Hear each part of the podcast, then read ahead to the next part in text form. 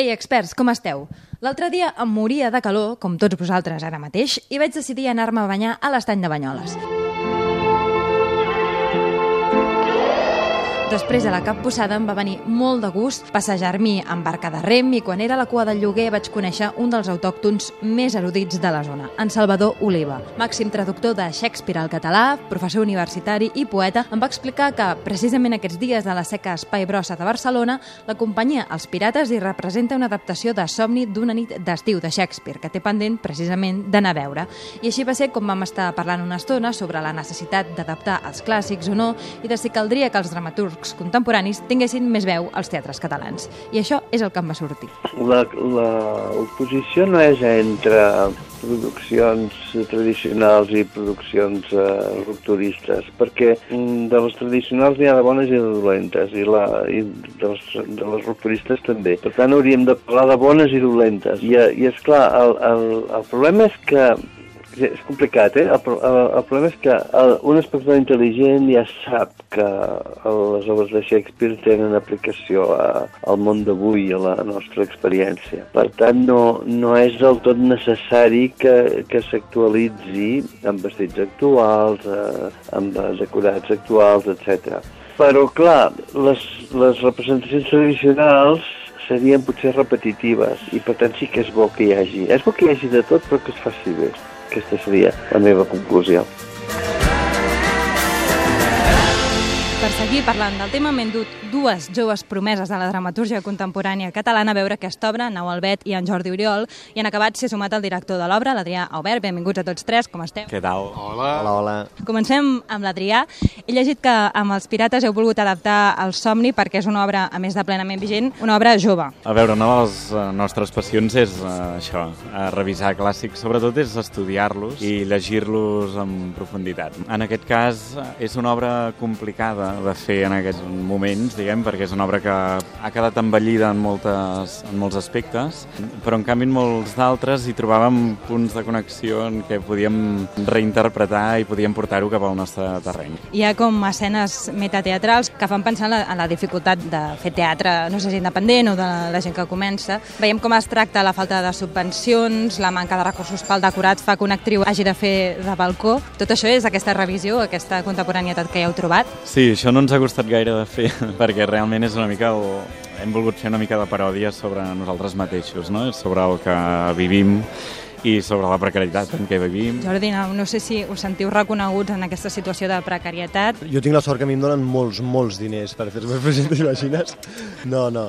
Sí, al final, quan estàs en aquest tipus de situacions, el que acabes fent és donar-li més importància al contingut, no? I que la forma passa en un segon pla, o, o saps jugar-ho a favor, jugar amb aquesta cosa de tot fet amb una sabat, una espardenya, però amb molt gust, o amb molt no? estèticament guai, i al final ho acabes salvant, com pots, no? Que és el que s'ha de fer. Sí, lluitem contra aquesta precarietat, intentem que que això no sigui així, diguéssim, però mentre no és, juguem, intentem, com la deia l'Adrià, d'explicar-ho, d'intentar fer, creant, diguéssim, creant els altres espectacles també, intentant criticar aquesta situació. I ho incorporeu en el relat. Sí, exacte. A banda de la vostra companyia també hi ha hagut com una eclosió de moltes altres, se m'acudeixen a la banda dels Pirates la companyia solitària, els malnascuts, Sixto Paz.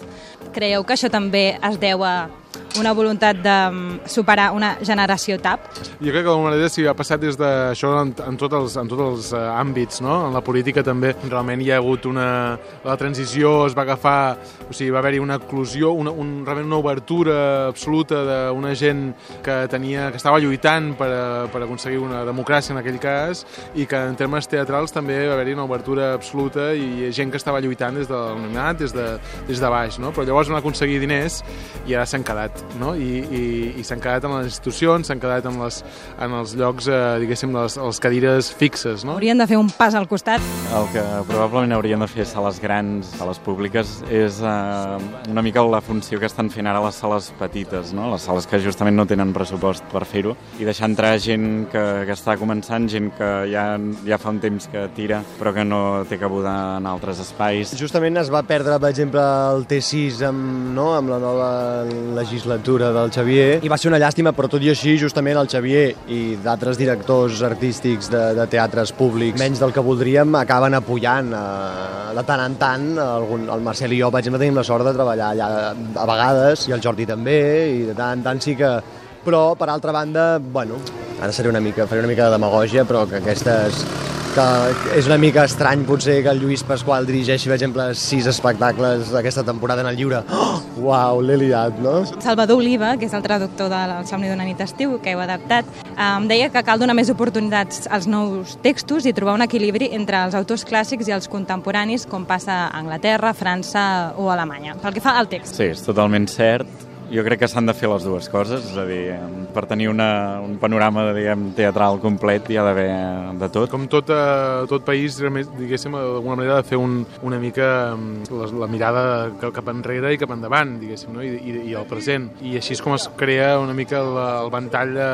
O sigui, de, de, som tot això, no? Som tot, tot el que hi ha hagut abans i el que hi ha ara. Com a creadors, i estic convençut que això puc parlar amb, amb tothom, diguéssim, també, no partim del full en blanc, partim de, de, també del que s'ha fet fet i, i no podem negar les coses que s'han fet anteriorment en termes de literatura dramàtica o en termes de creació dramàtica. Si algú agafa algun clàssic i el vol posar eh, avui dia, que millor que des de la mirada que avui tenim eh, i, i si es fa d'una manera d'intentar fer com es feia abans allò, evidentment això és una cosa museística i que això s'ha fet durant molt temps aquí, potser ara ja comença a fer-se menys, per sort, que és el fet d'aquella cosa sí, més, més arqueològica de recercar el que s'havia fet llavors i com es feia llavors, perquè això, això està bé que passi, però que no es faci constantment les dels clàssics així, no? Carme Portacelli m'explicava a tall d'anècdota que, que a l'època de Shakespeare, quan feien Juli César, no es posaven túniques. O sigui, ells tampoc, ells ho contemporitzaven, o sigui, no es disfressaven de, de l'època clàssica per fer un Juli César, per exemple, no? Vull dir que en el fons avui dia haurien de poder fer el... Bueno, i encara és el que pretenem nosaltres, no? Però d'altres que sempre s'acaben tancant en una forma més, més carca o més convencional o més clàssica, i en canvi mola poder reinventar la, els clàssics, no? Una mica. Trobar la manera de fer-los reviure, no? I això s'aconsegueix fent una, una lectura sobretot de, de l'essència, no? Més enllà de l'essència no té sentit intentar recrear res, bàsicament perquè tampoc coneixem exactament com era en el moment en què es feia, per tant és absurd. Això en el cas de Shakespeare és evident. O sigui, això de que es programa potser massa, massa obra clàssica és per un conservadorisme de taquilla? Que pot ser que sí, pot ser que hi hagi eh, aquesta voluntat. No, no, no, no té per què ser positiu, però, però en fons jo crec que cada molt programador pot pensar que realment si eh, fer-se un títol que es coneix, no? que, que és reconegut pel, pel poble, diguéssim, d'alguna manera, doncs hi vindrà més gent. Sí, perquè són, no deixen, a veure, estem parlant dels clàssics i per tant és lo mejor de lo mejor, o sigui, una mica el cànon occidental que va decidir fulanito, claro, o sigui, no? El, el, el Bloom, quan escriu allò, és com, estos són los buenos, i llavors, si tu ets director de teatre, pues agafes los buenos. Bueno, suposo, jo també, perquè nosaltres és creació el que fem, però dic, si només ets director d'escena, està clar que el que vols és que l'obra tingui molta xitxa i sigui de lo millor per, clar, i justament els clàssics tenen això, que perduren al llarg del temps, que bla, bla, bla, no?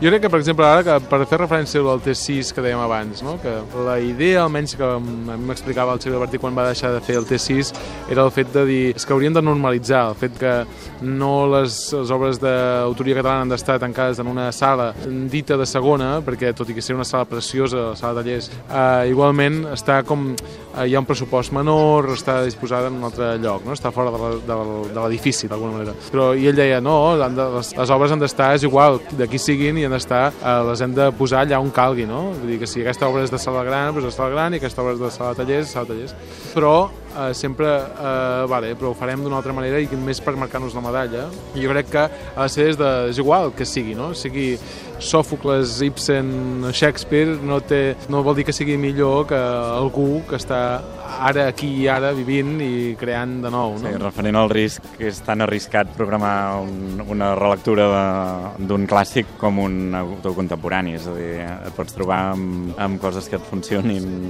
igual de malament o igual de bé. Diguem, no? Això amb l'experiència que tenim al Maldà, diguem, és, és ben bé així, no, no té res a veure, és a dir, quan un espectacle funciona, funciona, quan, quan no funciona, no funciona. No, no faria distincions entre clàssics i contemporanis. Doncs fins aquí aquest col·loqui a tres bandes. Moltes gràcies, Jordi Nau, per deixar-vos entrevistar, que vagi molt bé, i a tu també, Adrià. Espero que acabin d'anar molt bé les funcions que queden del somni d'una nit d'estiu, que recordem es podrà veure fins al 25 de juny a la Seca Espai Brossa. Gràcies, una abraçada. Eh, gràcies. Gràcies. A tu, a tu. Els experts, amb Albert Miralles i Roger Saró.